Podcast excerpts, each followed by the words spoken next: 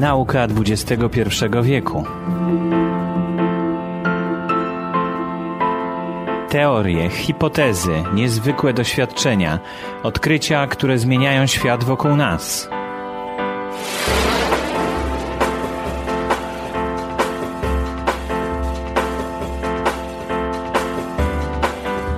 Nauka XXI wieku to podcast na temat fascynujących zagadnień z dziedziny fizyki, biologii, astrofizyki i matematyki.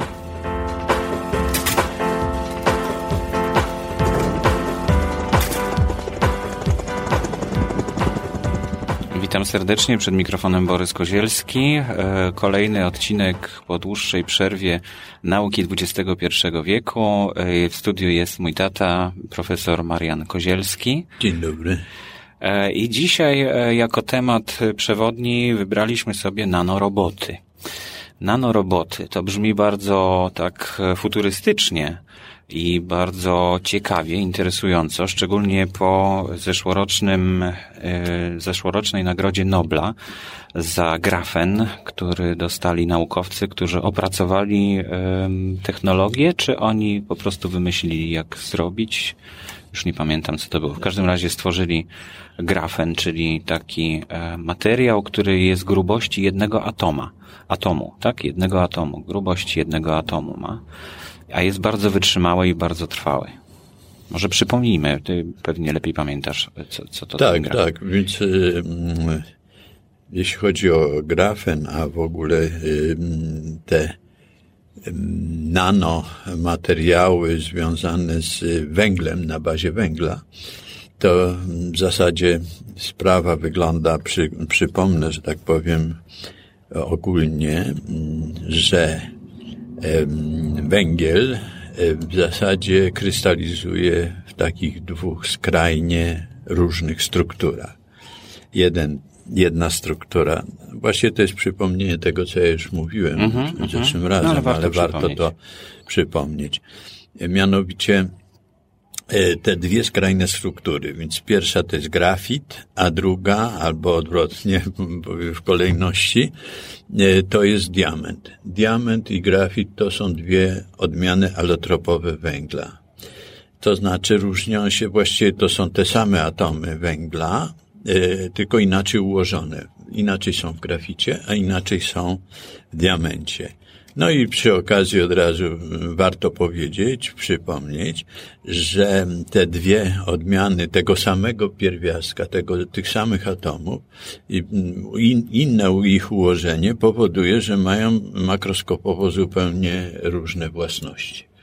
Na przykład diament jest najtwardszy z, z materiałów i wszystkie inne zarysowuje, że tak powiem. Mhm. Natomiast e, on sam się nie da zarysować. Mówimy, że jest szlachetnym kamieniem, prawda? Tak się mówi.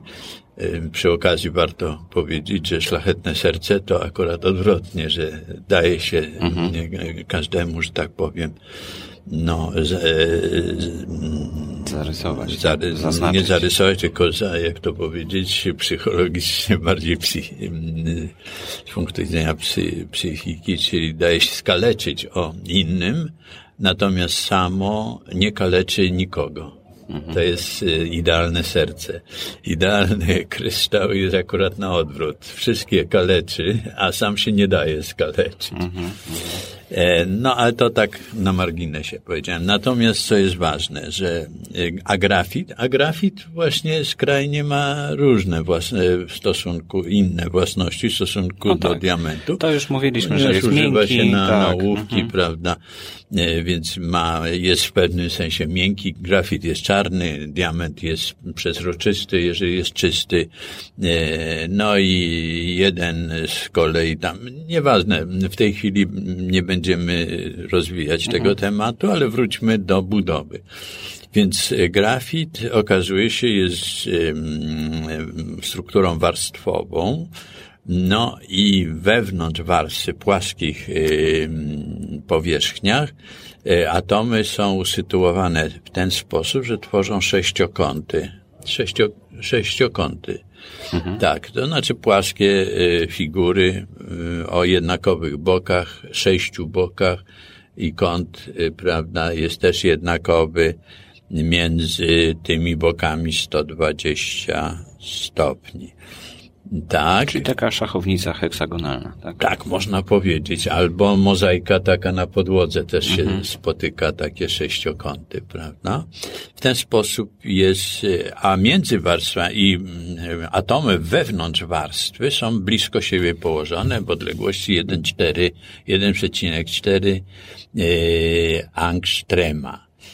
1,4 angstrema, czyli to jest, y, to jest odległość y, bardzo mała. Natomiast... Bo jeden angstrem to jest... Jeden angstrem to jest średnica atomu, atomu wodoru. No właśnie. Mhm. E, tak. I teraz, ale między warstwami odległość jest 2, tam coś 2,5, około 2,5. Natomiast w diamencie wszystkie mm, atomy są tak rozmieszczone, nie ma tej struktury warstwowej, że odległości są małe, chociaż nieco większe niż e, w warstwie grafitu. Mhm. I teraz można sobie wyobrazić taką warstwę, samą warstwę, pojedynczą warstwę. To co to jest grafen? Grafen to jest właśnie taka pojedyncza warstwa grafitu która jest, sama warstwa jest niezwykle wytrzymała, bo przed chwilą już powiedziałem, mhm. że odległości międzyatomowe sprawiają, że wewnątrz tej warstwy one są lepiej, że tak powiem, silniej ułożone te atomy niż w diamencie, bo mają mniejsze odległości między sobą i w związku z tym, jeżeli udaje nam się y, stworzyć takie właśnie mikroskopowe e, warstewki pojedyncze z pojedynczych mhm. atomów, grubości atomu, tak jak powiedziałeś, rzeczywiście, to wtedy e, one mają szczególne własności, już inne niż grafit i inne niż e, diament. Mhm. I teraz można, okazuje się, że ta, mm, to jest taka dwuwymiarowa struktura, prawda, taka warstwa, no, taka ale można tą warstwę zgiąć, tak jak papier się zgina, prawda, czyli można, można z tego stworzyć taką rurkę. nanorurkę, mhm. to znaczy rurkę o, o średnicy mm, tam e, powiedzmy 10, 10 czy 20 czy kilkudziesięciu angstremów, a, tak? atomów, tak, mhm. angstremów, E, czyli w nanometrach, e, nanometry są 10 razy e, większa jednostka niż, czyli 10 angstremów to jest jeden nanometr, mhm. prawda? I dlatego mówi się nano, nano. No właśnie, dobrze, no to, to już mówiliśmy o tym i możemy sobie to wyobrazić. Natomiast jak z takiego materiału tak. właśnie zrobić robota, a, no, no, bo właśnie. to właśnie to musi mieć jakiś mechanizm, jakieś zasilanie, tak. jakieś coś, prawda? To, to, to nie no, wystarczy sam oczywiście. materiał. Więc można tak powiedzieć, że dopiero raczkujemy w tej dziedzinie i że dopiero się zaczyna, e, zaczyna powiedzmy jakaś rewolucja technologiczna, ale dopiero jesteśmy na naszych oczach, to się dopiero zaczyna. To jest dopiero w kolebce powijaka. Na razie y, sam fakt, że dało się, y, udaje się tworzyć materiały właśnie y, ingerując w skali nanometrów, właśnie w tej, mhm. w tej skali, to już jest duży postęp i już w tej chwili są pewne osiągnięcia, jeśli chodzi o takie tworzenie takich materiałów, chociażby te włókna węglowe i tak dalej, i tak dalej. Ale to nie tylko to, właśnie chcieliśmy dzisiaj pomówić o nanorobotach. No właśnie, i takie na... doniesienia są dosyć no e, rewolucyjne, jest... bo i słyszymy i o tym, że i komórki rakowe można leczyć w ten sposób, zwalczać i na to jest podobno już kilka nawet metod, to nie jest tylko jedna metoda. E, polscy naukowcy odkryli ostatnio też e, jak to się nazywa, podłoże, nanopodłoże do testów medycznych które jest znacznie bardziej trwałe niż e, to, co do tej pory udawało się uzyskać.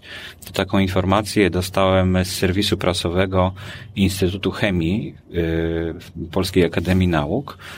I właśnie tutaj jest informacja o tym, no tak przy okazji powiem, że dzisiaj rozpoczęły się obchody dnia, e, znaczy roku chemii w Polsce i tam można odwiedzić jutro zdaje się Instytut Chemii i zobaczyć. Też przy okazji powiem, że dostali oni ostatnio olbrzymi grant, ponad 4 e, miliony euro na swoje badania chyba dokładnie, dokładnie nie wiem, ale wiem, że, że olbrzymi grant dostali, tak. A Może tutaj słowo ci wejdę mhm. i powiem kilka słów na temat polskiej chemii jako takiej. Mhm. Uważam, że jedna z y, takich przodujących nauk ścisłych, jeśli chodzi o zaawansowanie badań i tak dalej w Polsce, to jest właśnie chemia. Chemia y, na równi z fizyką, a może nawet y, pod względem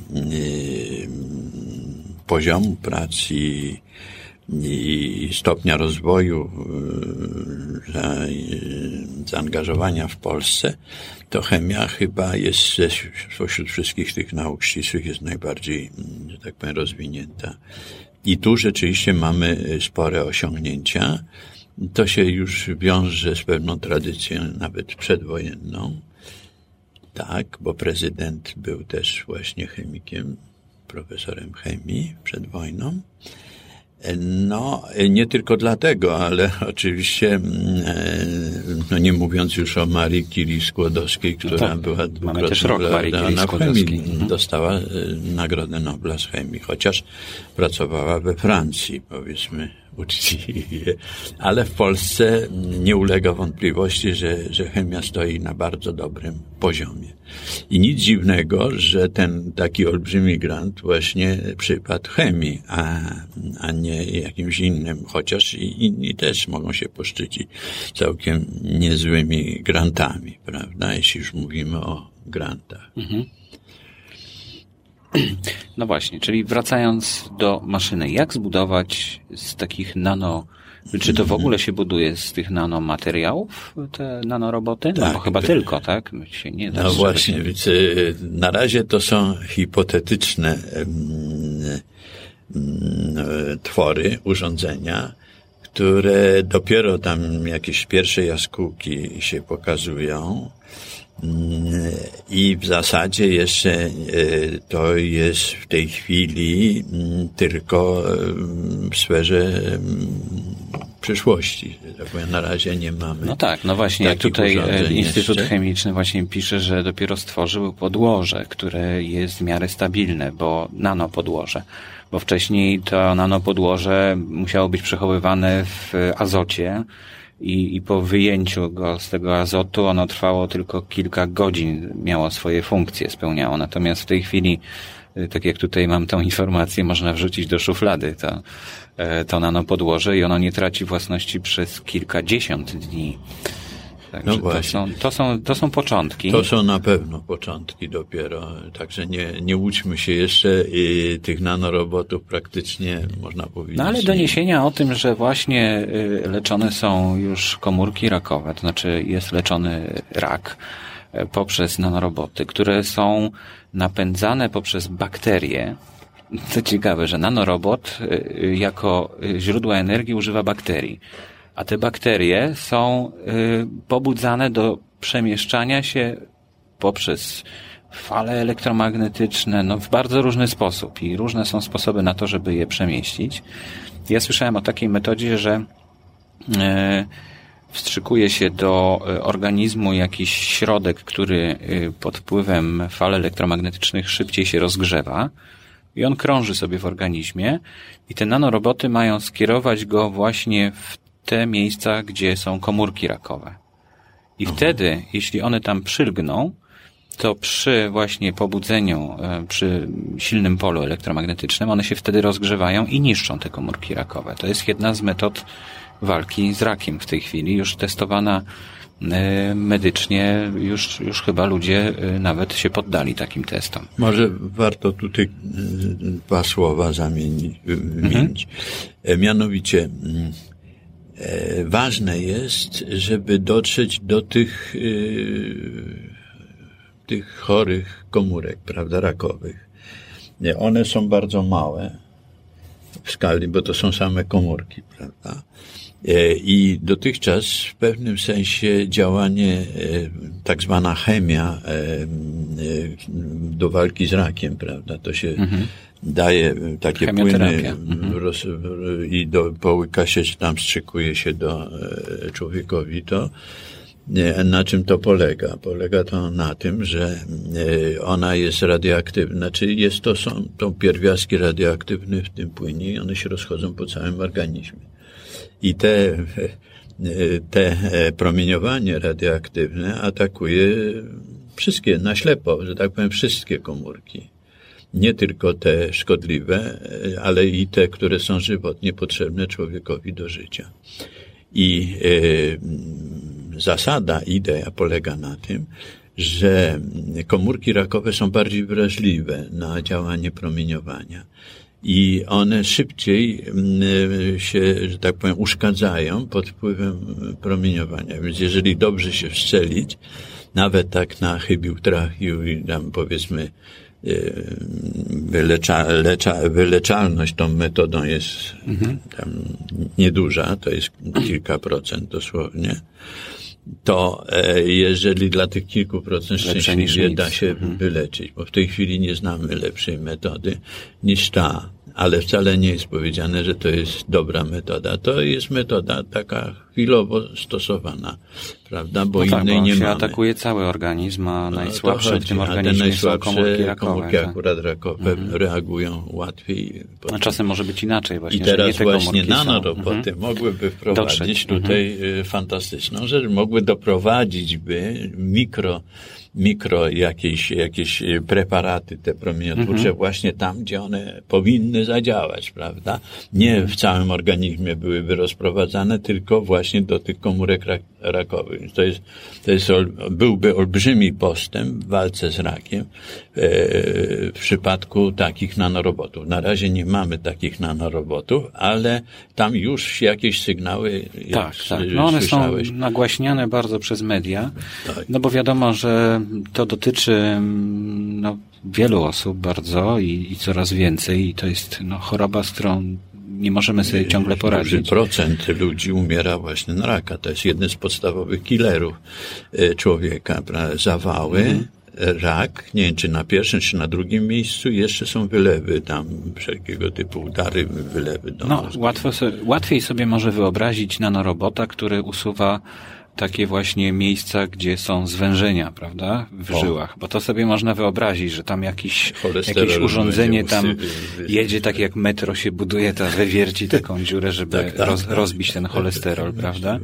Ale to, to i tak, to, to nie jest ta skala. To, to jest skala jeszcze, jeszcze dużo, dużo, dużo mniejsza. Bo jeden atom, no to w takim, w takim, e, w takiej żyle to by się poruszał jak po olbrzymim jakimś tunelu chyba.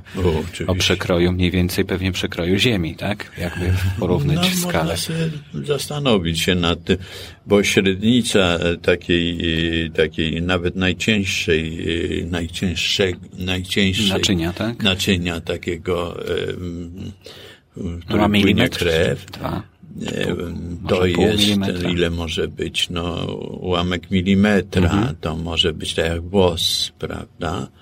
Czyli to są ułamki milimetra, dziesiąta części milimetra. Mhm. No ale w stosunku do milimetr to jest 10 do minus trzeciej metra, prawda? Mhm. 10 do minus trzeciej. E, Angstrem to jest 10 do minus dziesiątej Mhm. Metra, czyli siedem rzędów wielkości jest y, stosunek jednego do drugiego. Siedem rzędów, czyli to jest siedem, sześć rzędów to jest milion, a to jest 10 milionów razy 10 milionów, czyli jeżeli byśmy powiększyli atom do wielkości Człowieka. powiedzmy jednego milimetra, weźmy do jednego Nie, no milimetra ja bym chciał człowieka. to wtedy, e, to wtedy to byłoby 10 do 7 milimetrów. 10 do 7 milimetrów, czyli gdybyśmy z tego metry chcieli zrobić, to trzeba by było trzy rzędy znowu e, zdjąć, czyli byłoby 10 do czwartej metra, a 10 do, to jest 10 kilometrów, tak? No Dobrze właśnie. powiedziałeś, może nie tunel Ziemi, ale, ale jeśli dla atomu wziąć, to tak. byłby tunel e, rzędu 10 kilometrów. To takich tuneli No w ogóle właśnie. nie mamy, Nie ma. takiej średnicy na Ziemi. Prawda? Czyli te atomy mają tam dużo miejsca i takie nanoroboty mogłyby się bardzo swobodnie poruszać. Jasne, jasne. Nawet już mikroroboty mogłyby się pewnie poruszać, prawda? Bo tutaj No tak, mm, tak. y, mikroroboty są w innej skali. Nad nimi Łatwiej też się pracuje, je tak. zrobić, E, Też widziałem właśnie takie mikroroboty, które są wszczepione do muchy. Y, właściwie nie mucha, bo mucha jest za lekka i, i, i tam każde urządzenie, które jest przyczepione, to ona by spadła, ale do chrabąszcza.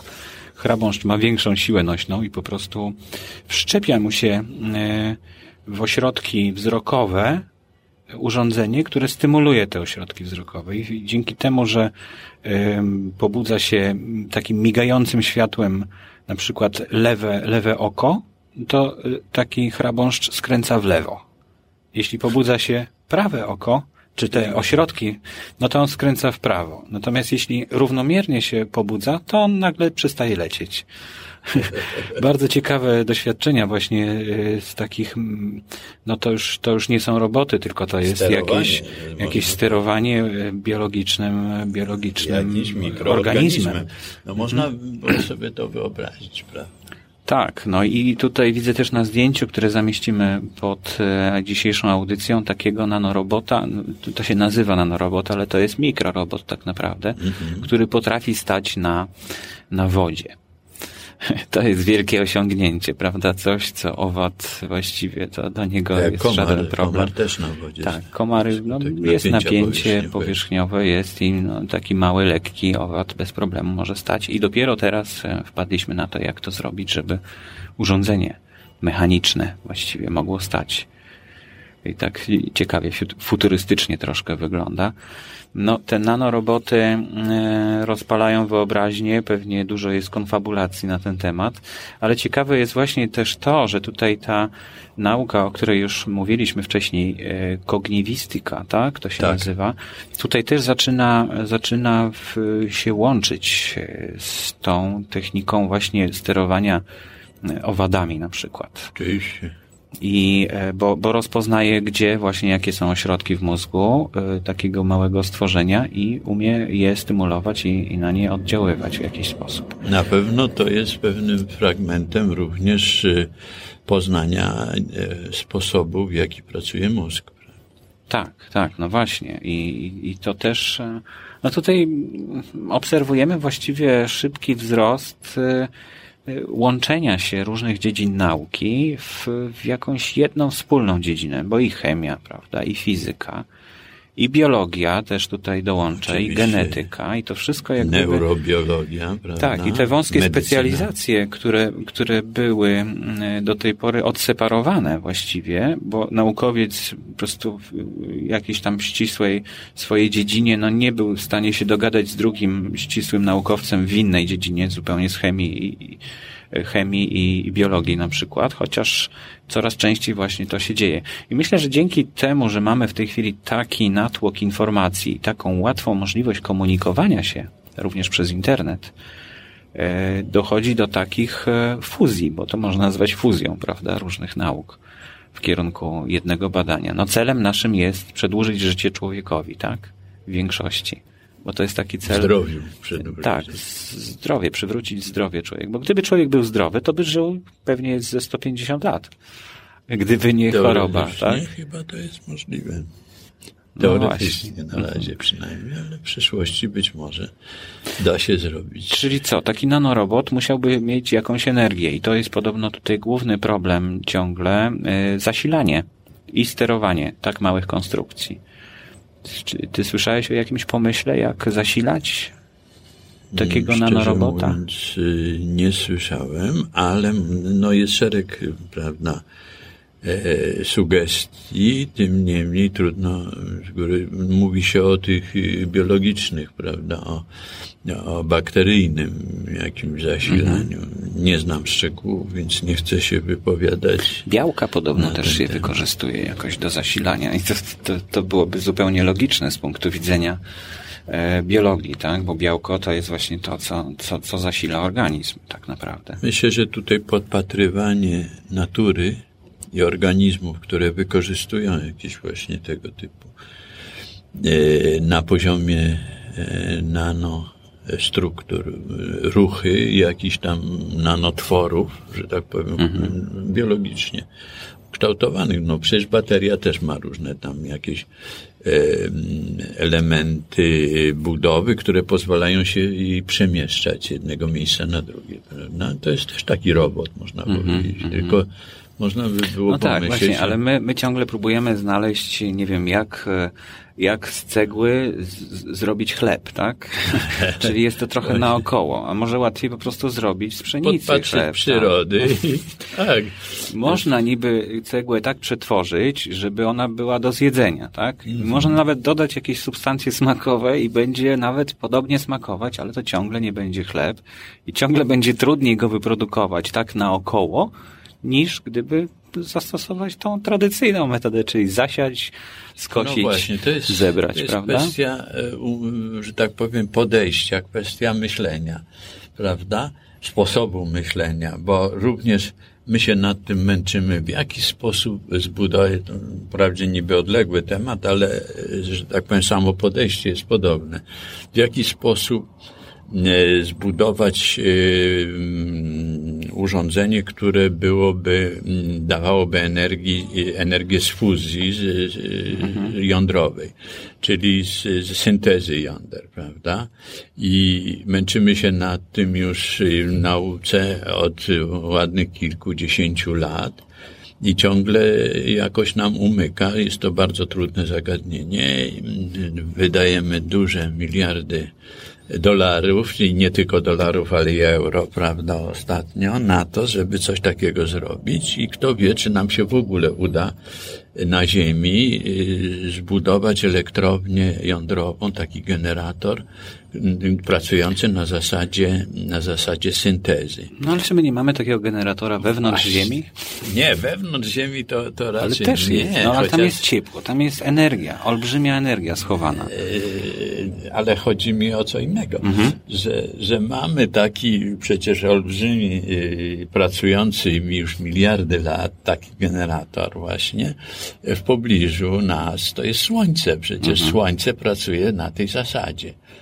Więc wykorzystanie energii słonecznej, szczególnie mi się bardzo podobała ta, e, ten projekt japoński, który, o którym na razie nic nie słyszymy, ale e, żeby wykorzystać właśnie, zbierać mm, w stratosferze, nawet wyżej, podnieść się po, na wysokości satelit, zbierać energię słoneczną z jakiejś powierzchni, o wielkości Ziemię, tak? kilometra kwadratowego, kilometru i przesyłać za pomocą wiązki lasera na Ziemię tą energię i wtedy ona byłaby wystarczająca, czyli byłoby wykorzystanie tego w naturalny, naturalnego już urządzenia, które działa, prawda? I działa miliardy lat i działa Jest stabilny. stabilnie. No, wiadomo, że tam są różne perturbacje i tak dalej, ale perturberancje na, na Słońcu, ale to są, to nie o to chodzi, prawda? Ogólnie Słońce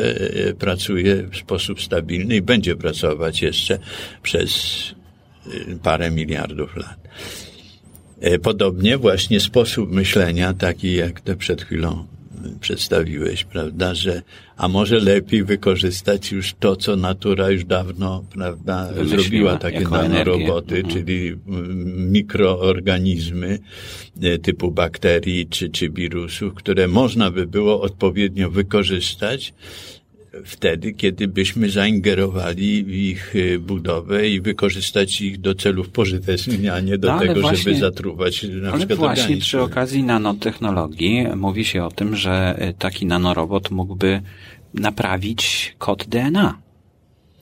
Bo przecież on byłby zdolny do tego. On by miał, Tak. że tak powiem, odpowiednio małe palce, żeby to zrobić, tak? E, Bo, bo No właśnie, nic do tej pory nie miało aż tak. Rzecz, fantastyczna. No dobrze, skończymy chyba już na dzisiaj e, te nasze Rozważania. rozważania tak troszeczkę futurystyczne, bo nauka tutaj coraz więcej mówi, ale no, nie ma jeszcze takich e, e, dobitnych dowodów na to, że, że można tutaj coś pokazać już takiego bardzo jasnego. Natomiast przy okazji przypomniało mi się powiedzenie Tesli. E, Nikola Tesla powiedział kiedyś, że właśnie mamy e, energię elektryczną w dowolnych ilościach na Ziemi dostępną. Trzeba ją tylko umieć wykorzystać. bo pioruny przecież e, te wszystkie, to, to są tak gigantyczne e, energie, tak, tak gigantyczne źródło energii, z którego też można właśnie skorzystać, nie bez szkody jakiejkolwiek dla środowiska. Trzeba tylko umiejętnie wyłapać. On łapał te pioruny, ale miał przeciwko sobie sporo E, sporo korporacji, które, które, no, którym nie zależało na tym. Oni chcieli coś sprzedawać. Pioruna się nie da sprzedać, bo jest po prostu dostępny za darmo.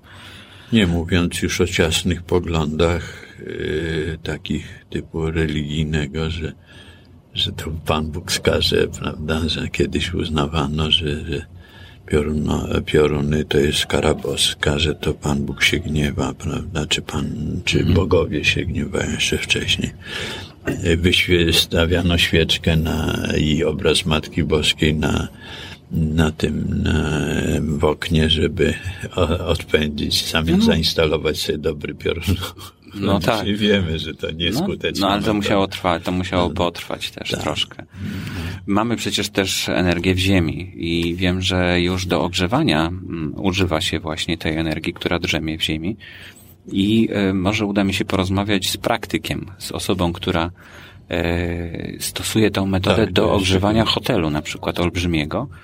E, to już można po prostu na osiedle sobie kupić albo do budynku. Można stworzyć takie, mm, taki generator, który pobiera energię z ziemi i ogrzewa wodę, ogrzewa pomieszczenia. Ale to już przy następnej okazji. Chcielibyśmy też porozmawiać o ostatnich odkryciach astronomicznych e, dotyczących tych planet, które tak się luźno i wolno poruszają gdzieś tam w przestrzeni. Tutaj namawiałem profesora Marka Demiańskiego, ale jest mocno zajęty w tej chwili, także może, może jakaś z letnich, jeden z letnich odcinków uda nam się poświęcić na ten bardzo interesujący temat. A na razie dziękuję za rozmowę. Zapraszam do słuchania pozostałych audycji na stronie nauka.evt.pl. Bardzo prosimy o komentarze, o informację e, zwrotną od słuchaczy i e, będziemy bardzo za nie wdzięczni, ale również za pytania, które czasem się pojawiają i na które z chęcią e, tutaj... W miarę własnych możliwości. Tak, oczywiście. Tam troszeczkę mamy e, możliwość dotarcia do niektórych materiałów i znalezienia odpowiedzi, podpowiedzi, także zapraszamy gorąco.